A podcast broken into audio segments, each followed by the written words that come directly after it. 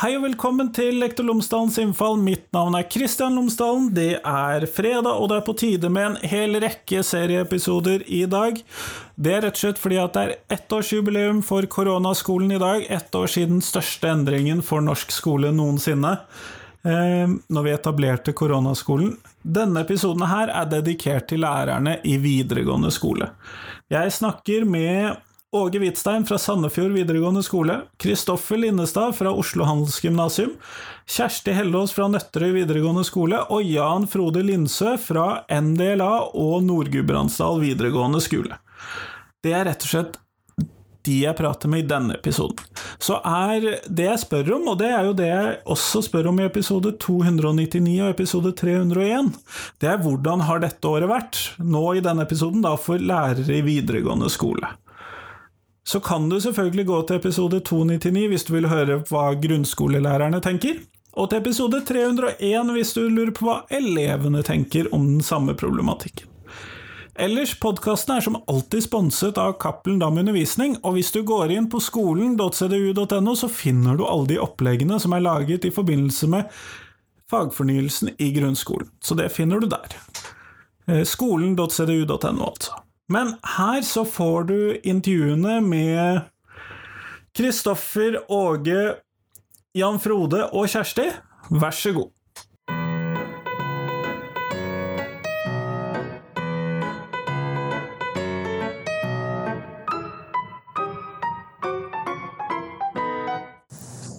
Kjersti Marie Heldås, tusen takk for at du har tatt deg tid til meg i dag. Bare hyggelig. Takk for at jeg fikk komme. Eh, før vi starter eh, resten av samtalen, så håpte jeg at du kunne fortelle lytterne mine tre ting om deg selv, sånn at de får blitt litt bedre kjent med deg.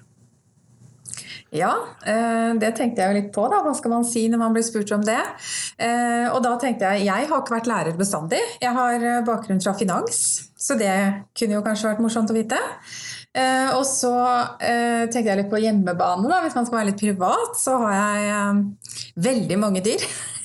Eh, en hel dyrehage, faktisk, føles det som noen ganger. Um, altså Det er sikkert noen som har flere dyr enn meg, men jeg har et par kaniner og et par katter og en hund, og har akkurat uh, sluttet å ha hest. Så, Høres ut som en liten dyrehage. Ja. en liten dyrehage. Men det er veldig koselig, da. Og den tredje tingen jeg tenkte jeg skulle si, som da heller ikke har med jobb å gjøre, det er at jeg er glad i å danse ballett. Og har gjort det egentlig hele livet. Og har fortsatt i voksen alder. Mm. Ja, interessant. Det hadde jeg ikke sett for meg. Men det som vi skal snakke om nå, for dette er jo en del av min sånn markering at nå har korona vart ett år i Skole-Norge. Og hvordan har det vært å være lærer det siste året? Ja, det er et uh, spørsmål det man må svare litt sånn oppdelt på, tenker jeg. Fordi det har jo vært ulike faser vi har vært gjennom. Uh, men uh, jeg tenker at jeg syns vel sånn opps, altså året over, over ett, sett over ett, så under ett, mener jeg, så er det et, har vært et lærerikt og spennende år. Det tror jeg de fleste lærere egentlig vil si når man liksom tenker seg litt om. Men så har vi vært skikkelig slitne tidvis. ikke sant? At vi har eh, og på ulike steder til ulike tider og ulike trinn så har vi liksom opplevd ulike utfordringer gjennom året som, som virkelig eh, har eh, gjort at man har følt at man har vært skikkelig på strekk eh, periodevis. Da. Vi har jo måttet kaste oss rundt og eh, lage nye opplegg. Vi har perioder med få elever i klasserommet, mange elever i klasserommet. Eh, det har vekslet fra gult og rødt nivå, og, og det har på en måte vært et litt sånn kaosår, vil jeg si, men også et veldig lærerikt år. Eh, og det første da, da, vi startet sant, i mars og vi ble sånn usikre på hva gjør vi nå, så følte jeg jo at vi brukte utrolig kort tid eh, på å bli vant til eh, å jobbe med eh, digitale undervisningsformer. Eh, og det digitale klasserommet som vi etter hvert har blitt godt kjent med. Da. og det følte jeg liksom at det, det gikk utrolig raskt. Og, og, det der å begynne å dele tanker om hvilke metoder vi skal bruke når vi jobber digitalt, kontra at vi står i et klasserom og kan på en måte gjøre de tinga vi er vant til å gjøre i det daglige. da. Og så begynte, Da høsten begynte, så var det jo litt sånn Eh, da skulle jo ting være ganske normalt. vi begynte i gult nivå. og alt skulle liksom, Elevene satt jo der tett i tett i klasserommet. Og, og vi sto der og, og, gjorde egentlig ting sånn som vi pleier å gjøre. Eh, og jeg tenker at den gule skolen er jo eh, nærm, tilnærma en normal skole. Kanskje med litt mindre av de morsomme tingene for elevene. Og så er, det, er vi godt utstyrt med antibac, da. Og det er jo det vi på en måte står i. Vi, og så sier jo myndighetene til oss at vi at de andre tiltakene i samfunnet gjøres jo fordi lærerne og elevene skal kunne gjøre de vanlige tingene hver dag. Og det er jo, eh, syns jeg er fint at de sier. De sa det kanskje litt seint i høst. Eh, noe som gjorde at vi eh, lenge var litt sånn usikre på hva er egentlig rødt nivå, hva er gult nivå. Så det har vært mye sånn usikkerhet knytta til de tingene der. Men nå er de jo tydelige om det. og og veldig tydelige også på at de ønsker at skolene skal være i gult, til tross for at man da kanskje har opplevd en del smitte i samfunnet. Eh, og det har, skaper jo litt uro sånn i rekkene. Noen syns det er helt greit, andre syns det er ukomfortabelt. Eh, noen har mange hensyn å ta hjemme, andre har, eh, føler at det, er, de er, at det er greit og det er mye bedre å være på skolen fordi man mestrer den situasjonen best. Og der er vi også ulike. Vi har jo sett det nå, at vi er veldig ulike. Noen lærere takler eh, den digitale skolen godt og syns, føler seg komfortable med det og syns liksom at det, det, går greit. Eventuelt har blitt eh, komfortable. Ja, ikke sant?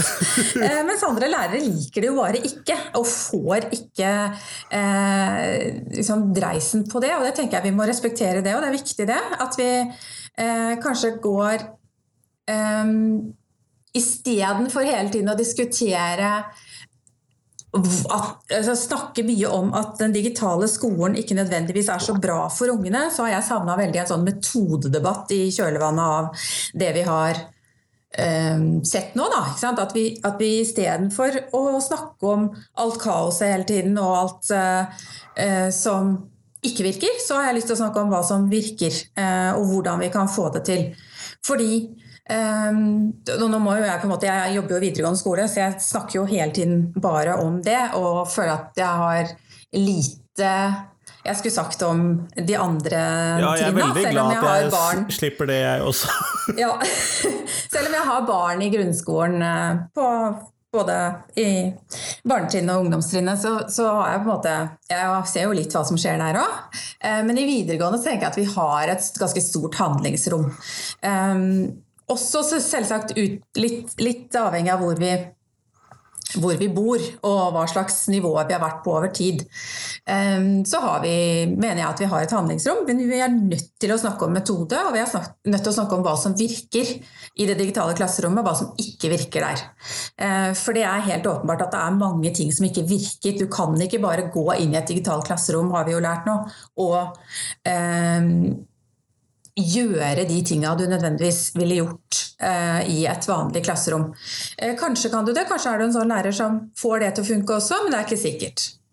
Eh, så på oppfølgingsbiten så tenker jeg at vi har mye å, å snakke om der, da.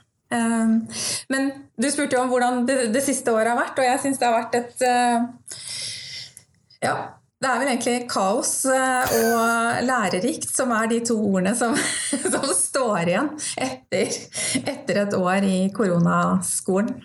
Men jeg tenker nå litt på det du sa om det å gå inn i et klasserom og så gjøre det du pleier å gjøre der, og det er det jo en del av oss lærere som gjør, og bare dukker opp i klasserommet. Og så gjør vi noe som er sånn rimelig gjennomtenkt, men det, med få virkemidler og kanskje litt kritting på tavlen og sånn.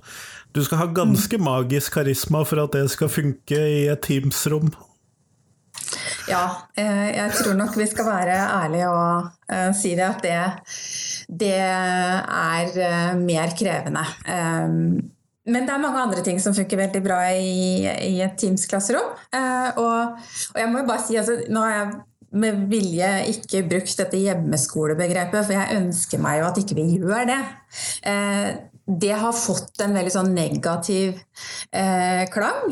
Og det vi egentlig driver med, det er jo digitale klasserom. Det er ikke sånn at elevene sitter hjemme alene eh, i stua si uten noe form for oppfølging. Og gjør de det, så handler det jo om metode igjen. ikke sant? At da må vi jo jobbe med å få metoden bedre. Eh, eller hvis det mangler lærere. Altså da, da, da, er vi mer over på en sånn logistisk eh, bit, tenker jeg. Men når læreren jobber i et digitalt klasserom, så, eh, eller virtuelt klasserom, eller hva man vil bruke, så eh, sitter jo elevene sammen med læreren sin i Teams. Eh, så er jo spørsmålet er elevene våkne. Ligger de i senga? De, Har de satt seg klare til læring? Eller hva slags, eh, hva slags, rammer er det rundt elevene når de skal ta imot den læringa? Det er jo en viktig del av det å forberede et sånt digitalt klasserom. Da, og tenke gjennom hvordan skal jeg sørge for at mine elever med de forutsetningene de har hjemme hos seg, skal greie å ta imot læring av meg nå? Det tror jeg kanskje er en viktig tanke å, å begynne å snakke om. Da. Hvordan skal vi få til det, istedenfor bare å peke på at de elevene har ikke nett, de elevene veldig, bor veldig trangt, eh, de elevene har uh, problemer med å stå opp. Da tenker jeg, Hva kan vi gjøre for dem? da? Kan noen elever sitte på skolen? Kan noen elever sitte, få litt hjelp til å komme seg opp før de skal i gang? Eh, er det lærerens jobb? Hvordan skal vi kommunisere om det? Sånne ting tenker jeg er viktig. da. Eh, for det er en del av eh, det å bytte format, tenker jeg. Og det er viktig, en viktig del.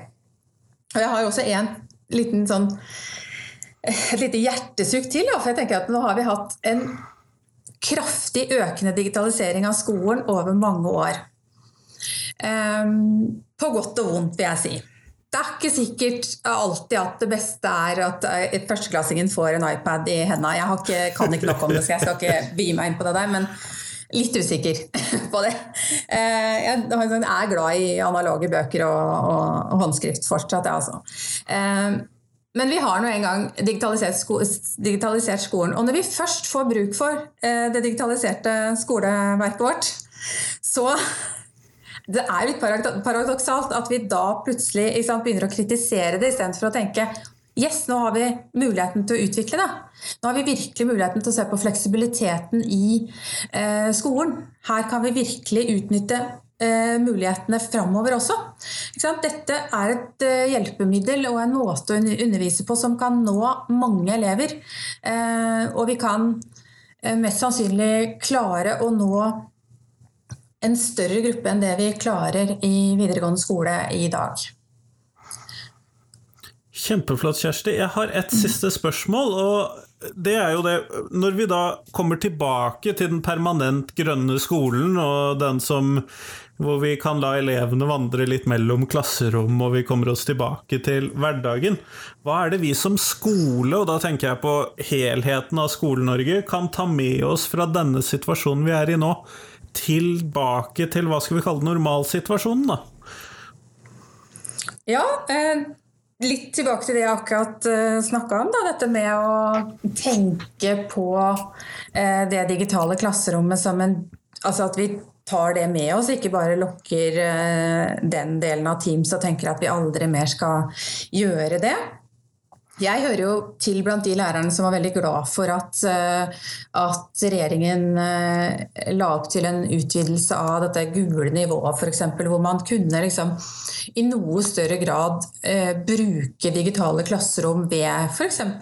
mye sykdom, eller altså på en økt her eller en økt der eller en dag, hvis det rett og slett var eh, skikkelig knipe. Fordi det er nå engang sånn at det er bedre, mener jeg, for elevene å sitte i et Teams-klasserom i en økt eller eh, innimellom, enn å ha en lærerløs time. Som vi jo, eh, vi som jobber i skolen vet at det har man jo eh, innimellom. Det har skjedd. det, det, av og til så har det skjedd. Og det, det tenker jeg er en bit av det. Og så tenker jeg at vi har noen elevgrupper som aldri helt lykkes med skolen. Vi har disse såkalte skolevegrerne, de som, eller de med høyt læringspotensial. Altså elever i flere eh, ender av skalaen. Eh, elever som trenger veldig mye tilpasning eh, fordi de strever i fag. Kanskje kan vi i større grad utnytte det digitale klasserommet slik at vi favner flere elever. At vi ikke har et 20 frafall i videregående skole, men at vi klarer å tette den, den, det gapet der fra 80 til opp mot Jeg vet ikke om 100 er realistisk, men, men, det er jo behov for at folk fullfører videregående skole. Og da må vi kanskje tenke gjennom hvordan er den videregående skolen i dag, og hva kan vi gjøre for at den skal bli mer inkluderende og favne alle elevene. Og Det har jo Lied-utvalget sett uh, mye på, og jeg tenker at det ligger mange gode tanker der med tank det der med å f.eks. Uh, ha ulike Altså gjennomføre på ulikt, uh, i ulike tempo. Regjeringen har også vært ute og, og, og, det kommer vel noe om det i den stortingsmeldingen som kommer nå på våren, så vidt jeg har skjønt. Og jeg tenker at En viktig del av eh, framtidas skole er at skolen er for alle elever, ikke bare for de som greier å sitte 30 stykker inne i et klasserom og ta imot undervisninga som skjer der. Eh, fordi 30 stykker i et klasserom er, uansett eh, hva forskere måtte mene, etter min mening altfor mange elever. Eh, det er også en ting jeg så da vi var på rødt nivå. så fikk vi jo plutselig en situasjon hvor vi var 15 elever i klasserommet til enhver tid. ikke sant? Ehm, noen lærere syntes det var veldig slitsomt å løpe mellom to klasserom. og sånn. Eh, så jeg synes det var kjempefint, fordi jeg fikk en helt annen gruppe. Og elever som ofte ikke sier noe i hele klasse, begynte plutselig å si noe. Så plutselig så dukka det opp helt nye stemmer i, i rommet. Eh, og det mener jeg viser at det å ha eh, et klasserom som i mye større grad er tilpassa mange ulike elever, det må vi jobbe for framover. Kjempeflott. Tusen takk for at du tok deg tid til meg i dag. Jo, det var hyggelig å komme.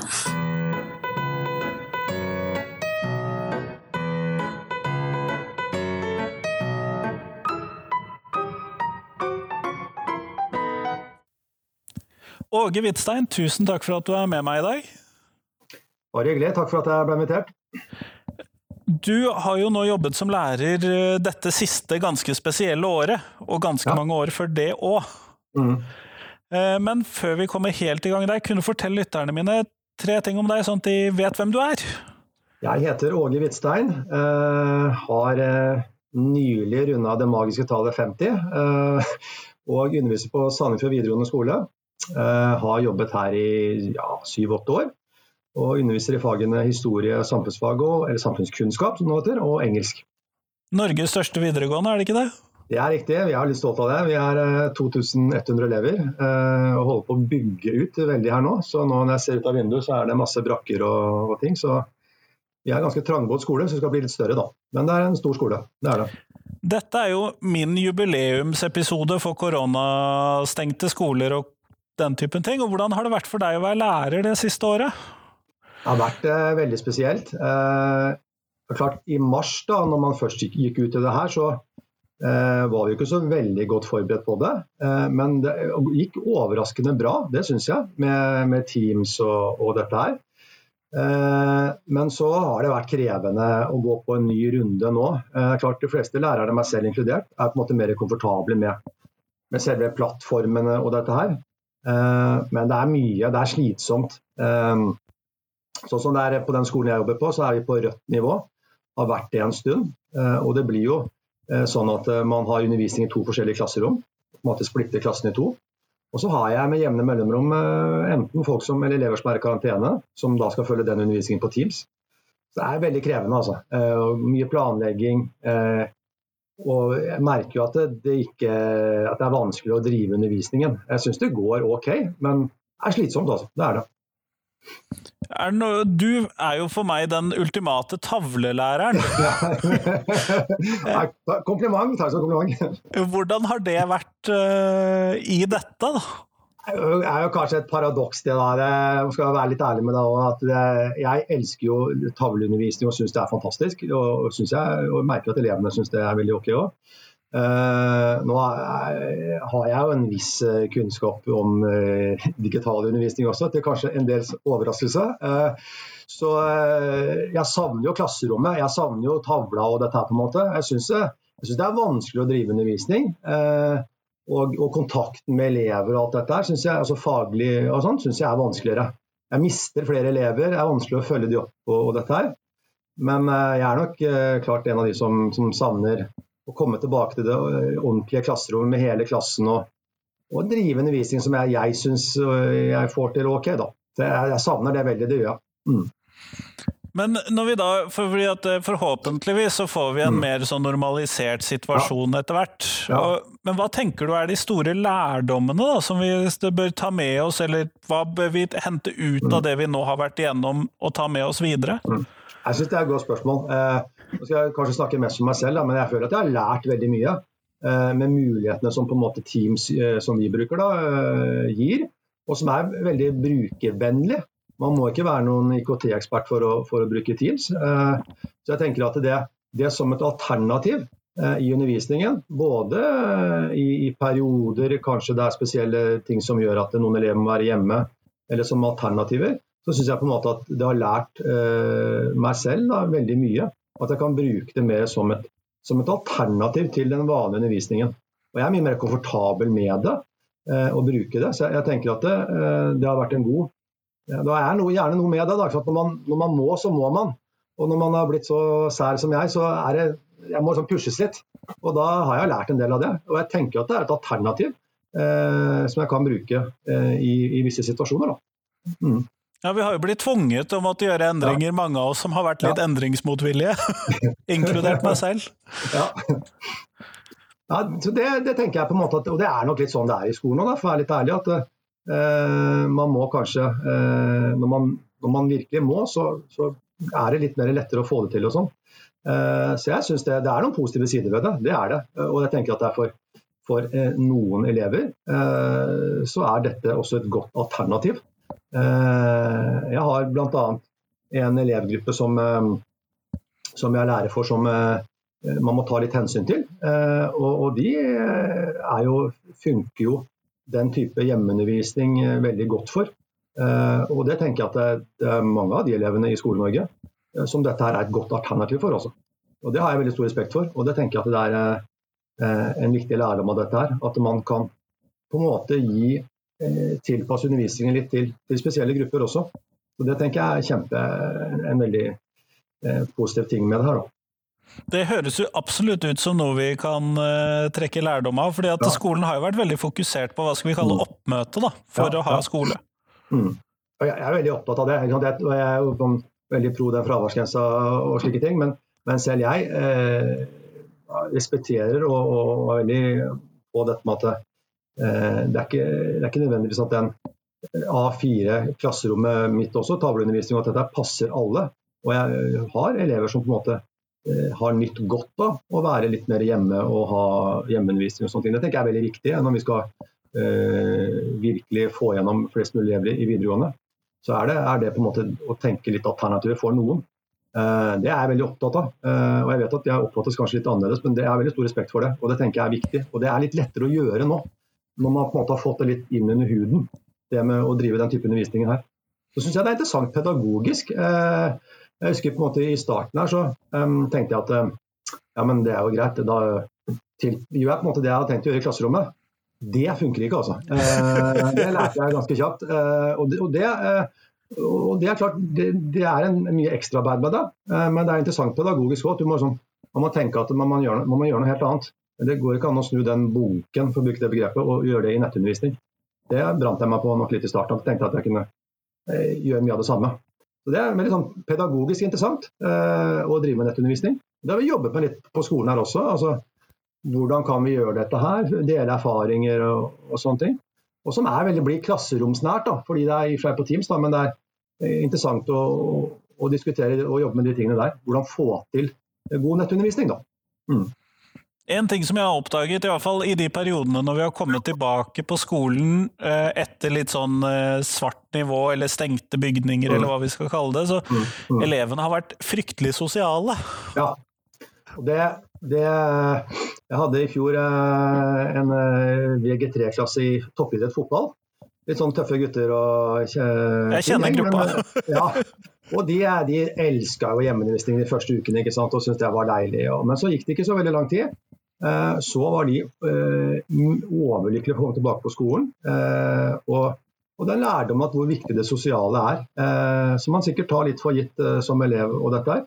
Det tror jeg er et, et, et godt innfallsvinkel, at mange elever også har har nok skjønt hvor viktig klassemiljøet, skolen og det sosiale er. Eh, det tenker jeg også er en verdi med det her som skal ta med seg. altså Å snakke om dette at det, ja, det, er, dette er en, det er en, flott tid, det å være elev på videregående, klassemiljø. Eh, og, og liksom kjenne på det at det, det, finnes noen alternativer som ikke er så ok. Og det å være mye hjemme og sånn. Mm. Nettopp. Er det noen ting som du gleder deg litt å si farvel med når vi kommer oss tilbake inn i en normalskole? Jeg gleder meg til å eh, altså det, det, jeg, det, det, jeg mest gleder meg til å si farvel til, er på en måte ikke ha, eh, ha den oversikten over kjenne på elevene. Altså at jeg vet hvor jeg har igjen. Det, det, sliter jeg med på Teams. ikke sant? At eh, jeg føler at når jeg er i klasserommet og skjønner at, skjønner at ting ikke funker helt, så klarer jeg å oppfatte det i hvert fall relativt kjapt, da, tror jeg selv. da. Eh, den følelsen der, og, og som sier farvel til det at jeg ikke helt har kontroll på hvordan det funker for elevene. Jeg vet ikke helt om dette er bra undervisning, om, eller om jeg mister elever og sånn. Det tar jeg mye kjappere i et klasserom, et fysisk klasserom. Så det gleder jeg meg til å på en måte eh, komme litt sånn, ha litt mer kontroll på det. Mm. Kjempeflott. Tusen takk for at du ble med i dag, Åge. Bare hyggelig.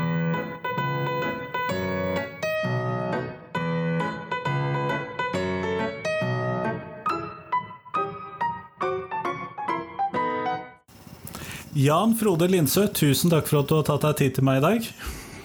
Takk for at jeg ble invitert.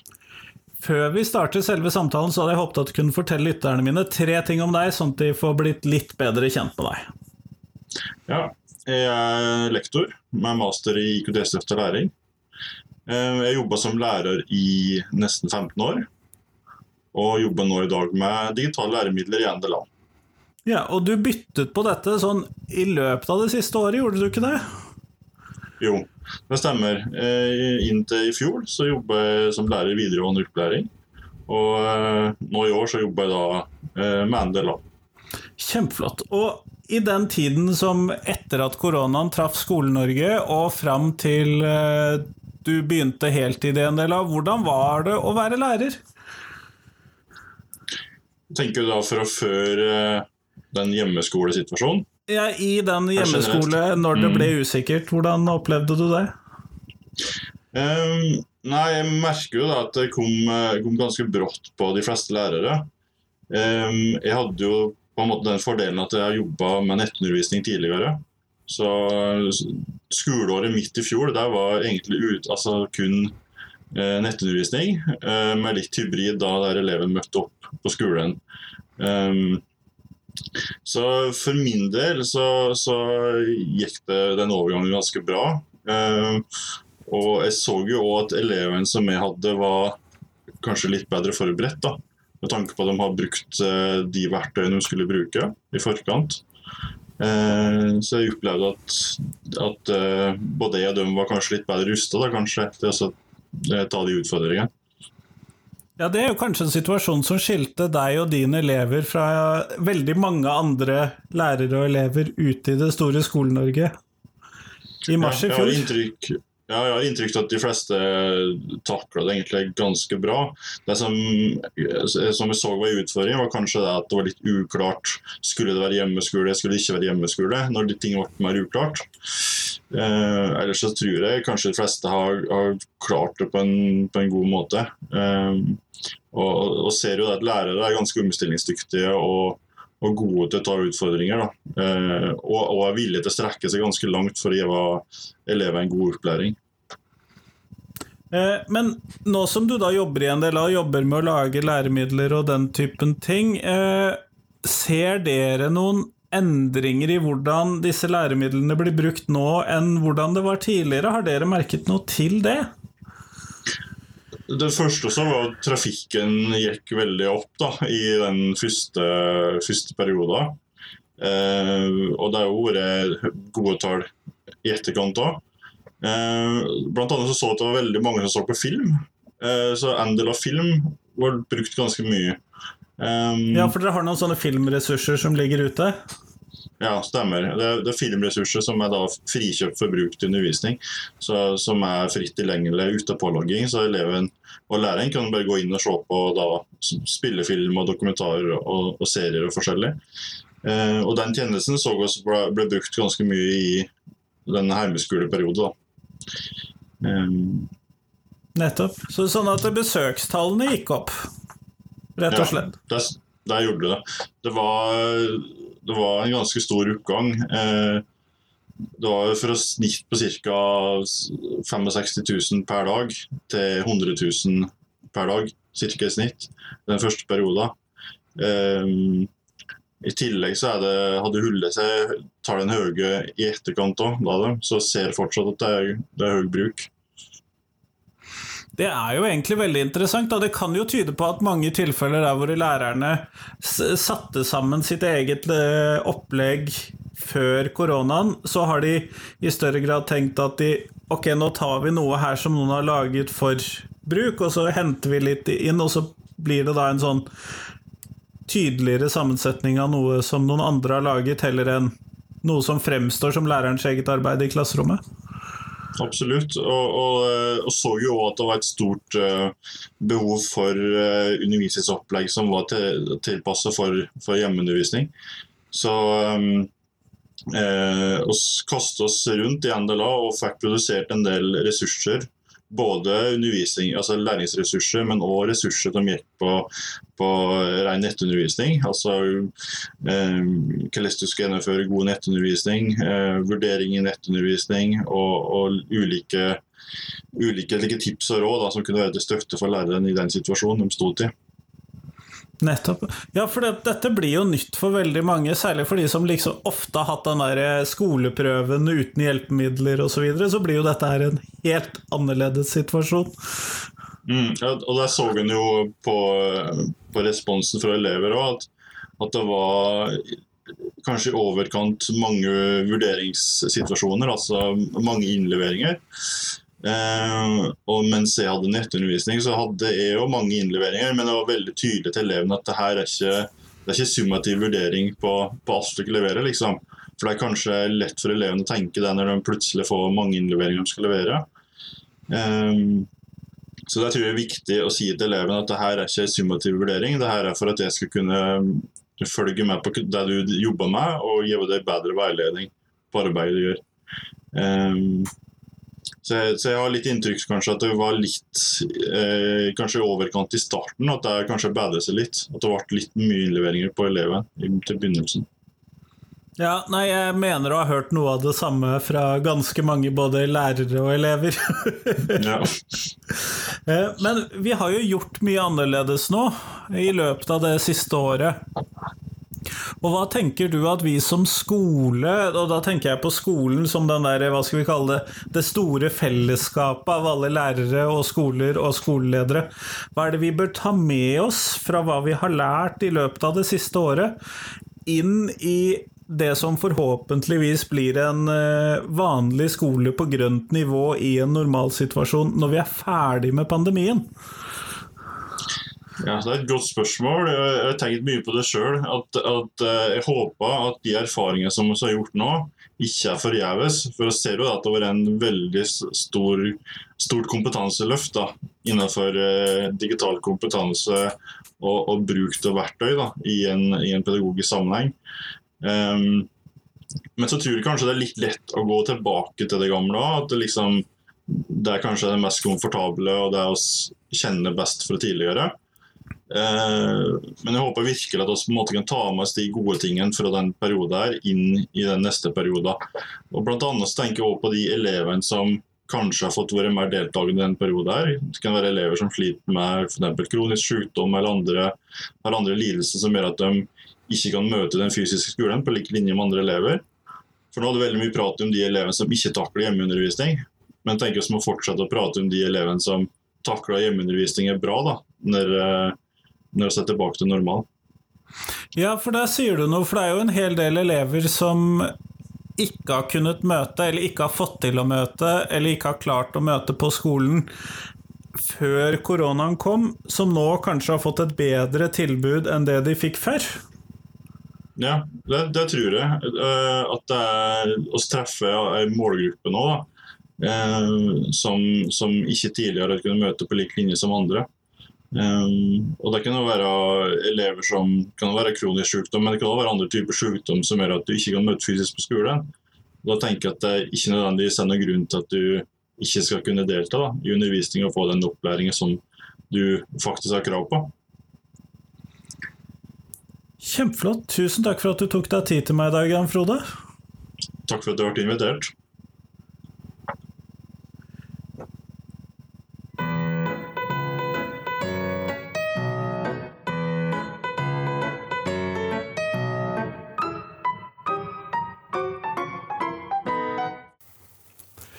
Kristoffer Linnestad, tusen takk for at du har tatt deg tid til meg i dag. Bare hyggelig. Det gleder meg. Eh, før vi kommer helt i gang med intervjuet, så hadde jeg håpet at du kunne fortelle lytterne mine tre ting om deg selv, sånn at de kan få bli litt bedre kjent med deg. Ja. Eh, jeg er lektor, underviser på Oslo Handelsgym i fagene norsk og, og faget historie og filosofi. Um, og det har jeg Eller jeg begynte i skolen rett etter at jeg slutta på videregående. Så dette er noe jeg har drevet med nå i, i 30 år. Blant har annet så har, har du vært min norsklærer. Ja, og det var mitt andre poeng, Kristian. Og min claim to fame. Eh, at jeg har vært din, eh, din norsklærer. Og det må jeg si, det var en fest. Og det er så morsomt å se deg nå etter så mange år, og se og høre deg. Og oppleve at du er veldig lik deg selv. Og det må du fortsette med. Bra. Tusen Eh, takk for det. Et tredje uh, enkelt poeng det er at jeg er veldig glad i Bob Dylan. Han prøver jeg å eh, ta med i undervisningen så ofte som jeg kan, og jeg må si det er forbausende hvor eh, lett det er å gjøre Bob Dylan relevant. Iallfall i mine fag. Men sånn er det kanskje med alles favoritter og interesser, at de er lette å inkludere undervisning. Men Bob Dylan er jeg veldig glad i. Det ble vel ikke vanskeligere etter at han fikk nobelprisen i litteratur? Det er helt riktig. Og, og, og, så det argumentet det kommer tidlig på bordet nå i norskundervisningen. I historiefilosofi er det mer åpenbart at uh, har det vært mer åpenbart i hvert fall, at han har perspektiver og tanker og har en, som har vært viktig i moderne tider. Og, så, men i norsken er han nå bankers på alle tre trinn. Høres bra ut. Eh, Kristoffer, grunnen til at vi snakker sammen i dag, det er jo det at nå, når denne episoden publiseres, så har koronaskolen eksistert i ett år. Ja. Det er rett og slett en jubileumsepisode, og da lurer jeg på hvordan har det vært å være lærer det siste året? Eh, ja, et godt spørsmål. Jeg takker for spørsmålet på vegne av meg selv og lærerne. Og jeg tror ikke mine eh, erfaringer har vært så veldig unike. Og jeg kommer nok til å slå inn en del åpne dører her. Men eh, sånn som jeg har opplevd det, så har eh, året gått litt i ulike faser. Jeg husker 12. mars i, i fjor. Liksom, kanskje blir det nye når, eh, Hvor var du da Brå brakk staven? Men jeg husker veldig godt hvor jeg var 12. mars eh, i fjor. Og kom ut av skolen og fikk se at folk hadde hamstra eh, doruller, og, og, og stussa veldig over det. Men da opplevde jeg faktisk en litt sånn optimisme. Jeg var litt engasjert. Tenkte at dette, dette skal vi eh, greie å, å finne ut av. Og eh, det var liksom en morsom og, og konkret utfordring. Så derfor eh, dro jeg hjem og rigga opp en livestream på Facebook. Eh, og for å, for å møte alle elevene, da. Eh, Så Til å begynne med så var, det, var jeg i hvert fall ganske optimistisk. Eh, Tenk, eh, tenkte at dette kunne vi løse. Men etter hvert så har jo kanskje mer sånn frustrasjonen meldt seg. Og, og utmattetheten har på en måte tatt, tatt overhånd. Utmattelsen. Og at vi har opplevd at noe er definitivt ikke som det skal være i, i jobben. Så øh, ja. Jeg har opplevd eh, at øh, vi har gått på noen tretthetsbrudd, kanskje man kunne bruke en sånn metafor, eh, gjennom, eh, gjennom koronaen, da. Eh, og, og, kanskje særlig nå av så mange årsaker for, for, det skoleåret vi er inne i nå. I, I, mars så hadde vi allerede etablert klassen, og vi hadde, hadde liksom et klassemiljø. Og hadde en fin gruppedynamikk som, som vi fløt videre på ut det skoleåret. Mens i år så har det i og med at det har vært så mye av og på i karantener og på ulike nivåer, så har, har det vært vanskeligere å sette gruppene og klassene, sånn som jeg har opplevd i hvert fall. Og, og, at uh, lojaliteten, eller ikke lojaliteten, men, men, det at vi ikke har vært uh, Gruppetilhørigheten, kanskje? Ja, ja, takk, takk. Det var riktig ord. gruppetilhørigheten har ikke vært så sterk, som har gjort det vanskeligere å å være lærer, og ikke minst vanskeligere også å være elev.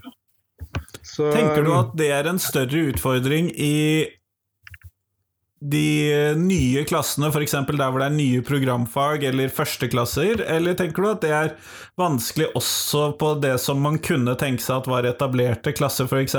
fellesfag i VG3? Eh, veldig bra spørsmål. Eh, og sånn som jeg har sett det, i, i år i dette skoleåret, så er de klassene som jeg har en fellesfagsklasse i norsk, eller har, eh, har, en klasse i norsk, som jo da er et fellesfag, og de, der er eh, bidragene og gruppetilhørigheten selvsagt mye sterkere. Eh, mens i historiefilosofi, som er et programfag i tredje klasse, eh, er bidragene på Teams færre, og, og de har, ikke på en måte det samme samholdet og tilhørigheten til gruppa som, som de har i norskgruppa. Så, sånn at det rett og slett det å ha god digital undervisning er kanskje litt avhengig av at man klarer også i begynnelsen å etablere gruppene, da? Ja, det, det er det. Og her, her eh, nevner du jo begrepet digital undervisning og god digital undervisning. Og det har ikke vært så lett å få til, det må jeg si. Eh, det er jo en erfaring eh, jeg har etter ett år med korona. At det er jo definitivt noe som blir borte fra klasserommet. Og til at elevene sitter bak hver sin skjerm hjemme. Det, og det er jo først og fremst dynamikken og følelsen av å um, At man har dialog og og er tett på elevene, som er så, en så nødvendig forutsetning for, for, læring. Og eh, for læringsglede og for arbeidsglede, både for lærere og, og, elever. Så det savner jeg veldig. Det er jo som om alt det som er genialt med å være lærer, er tatt litt vekk fra en når eh, elevene sitter hjemme bak sine flate skjermer. Det var et lite sukk fra lektoren. det skjønner jeg, det skjønner jeg. Uh, og det er vel kanskje også vanskelig å anbefale litteratur ut til elever når du ikke snakker med dem med de der uformelle samtalene mellom uh, undervisningsbolken og sånn også? Helt riktig. Uh, akkurat det der uformelle dulte litt borte, dem, støte på dem i gangen. og og, og få prate om dem, og gjerne anbefale litteratur. Det å få eh, elevene til å lese nå, det handler jo om eh, at de må motiveres til det. Og da må motivator være så tett opptil som mulig. Og det, det er han i klasserommet, eller er hen i klasserommet. Jeg husker i hvert fall gode litteraturtips fra deg på videregående, sånn at uh, Det dro det jo litt videre. Ja, du smigrer, Kristian. Men Kristoffer, når vi da skal når vi kommer tilbake til den ordinære skolen, når vi kommer tilbake til den eviggrønne skolen hvor vi bruker antibac og håndvask fordi at vi har vært på toalettet, og ikke fordi at eh, det er en konstant sånn spritdunst rundt omkring i korridorer og ganger, hva er det vi skal vi som skole, som den store enheten, skal ta med oss da fra denne situasjonen? Hva er det vi kan lære? Hva er det som er positivt bidrag inn i den ordinære skolesituasjonen? Ja, eh, Da har jeg lyst til å egentlig klinke til eh, å, snakke om dette i virkelig bred forstand. Og, og dra en allerede Aristoteles. Eh, for allerede Aristoteles, denne klisjeen, da, han, han, var jo veldig opptatt av at å være menneske det handler om å treffe hverandre. Å være del av større og mindre fellesskap. Uh, bare på den måten så kan man utvikle sin måte, menneskelighet da, og bli lykkelig, rett og slett.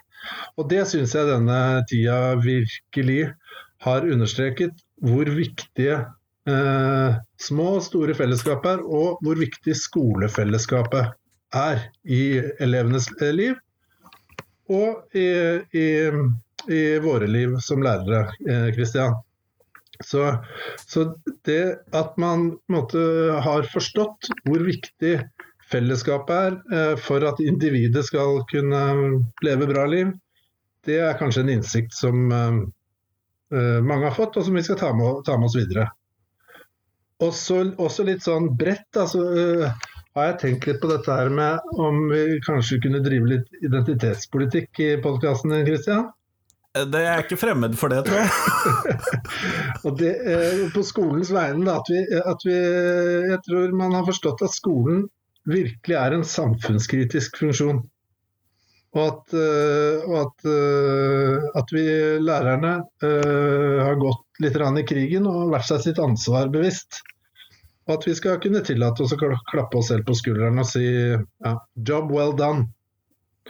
Og dette bør forsterke eh, lærerfellesskapet vi har allerede, og, og kanskje styrke anseelsen utad. Så eh, at vi kommer styrket ut av det som, eh, som jobbfellesskap, det, det, håper jeg, og det, det tror jeg. Det er lov å håpe at vi klarer oss å holde på den. Det Fagforenings-Christian er eh, veldig på den. Ja, men her har vi jo gitt, gitt Fagforenings-Christian mange gode poenger, syns jeg. Eh, så um, Og så kunne man kanskje eh, si noe om, om teknologi. At kanskje har vi fått noen teknologiske verktøy som som vi kan bruke eh, framover. Jeg husker helt i begynnelsen av eh, så var det mange teknologioptimister som sa at nå har vi gjort et giant leap innenfor skolen. Bare på to uker så har man gjort unna ti år, ti år med utvikling, eh, digital utvikling, på en måte. Og, og, det er jo liten tvil om at, uh, at man i skolen har uh, måttet ta i bruk digitale verktøy, og at man har gjort det med, med hell i den situasjonen man har stått i. Men jeg synes også at det er, at det er mulig å være litt sånn teknologipessimist. For, for, den teknologien vi har tatt i bruk, den har jo samtidig også eh, tatt vekk det som er veldig, veldig vesentlig i læring og i livet sjøl, at vi møter hverandre. Så det, det, er en teknologi som etter min mening skal brukes eh, varsomt. Det var litt sånn desillusjonert prat fra en gammel lektor. Men Kjempeflott, Kristoffer. Tusen takk for at du tok deg tid til meg i dag. Veldig hyggelig, og godt å høre stemmen din igjen, Kristian. Så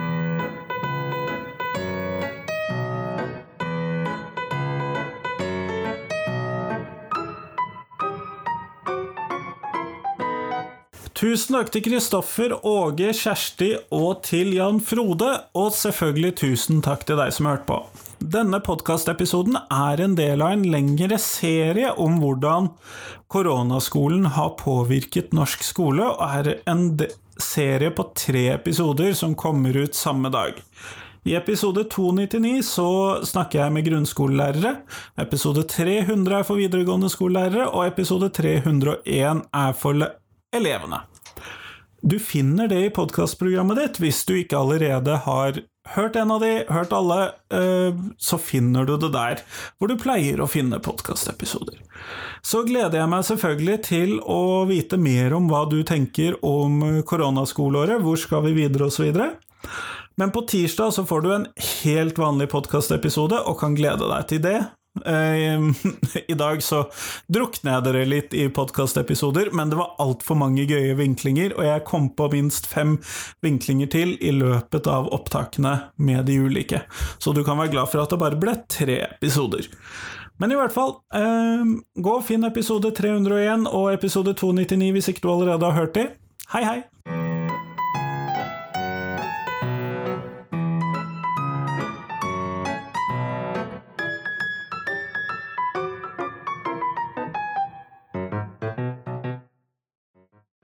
Jeg trenger tips ikke bare om mennesker jeg skal intervjue, men også om temaene jeg skal intervjue folk om. Så send meg gjerne tips til et tema, og da trenger du ikke nødvendigvis ha tenkt ut hvem jeg bør intervjue.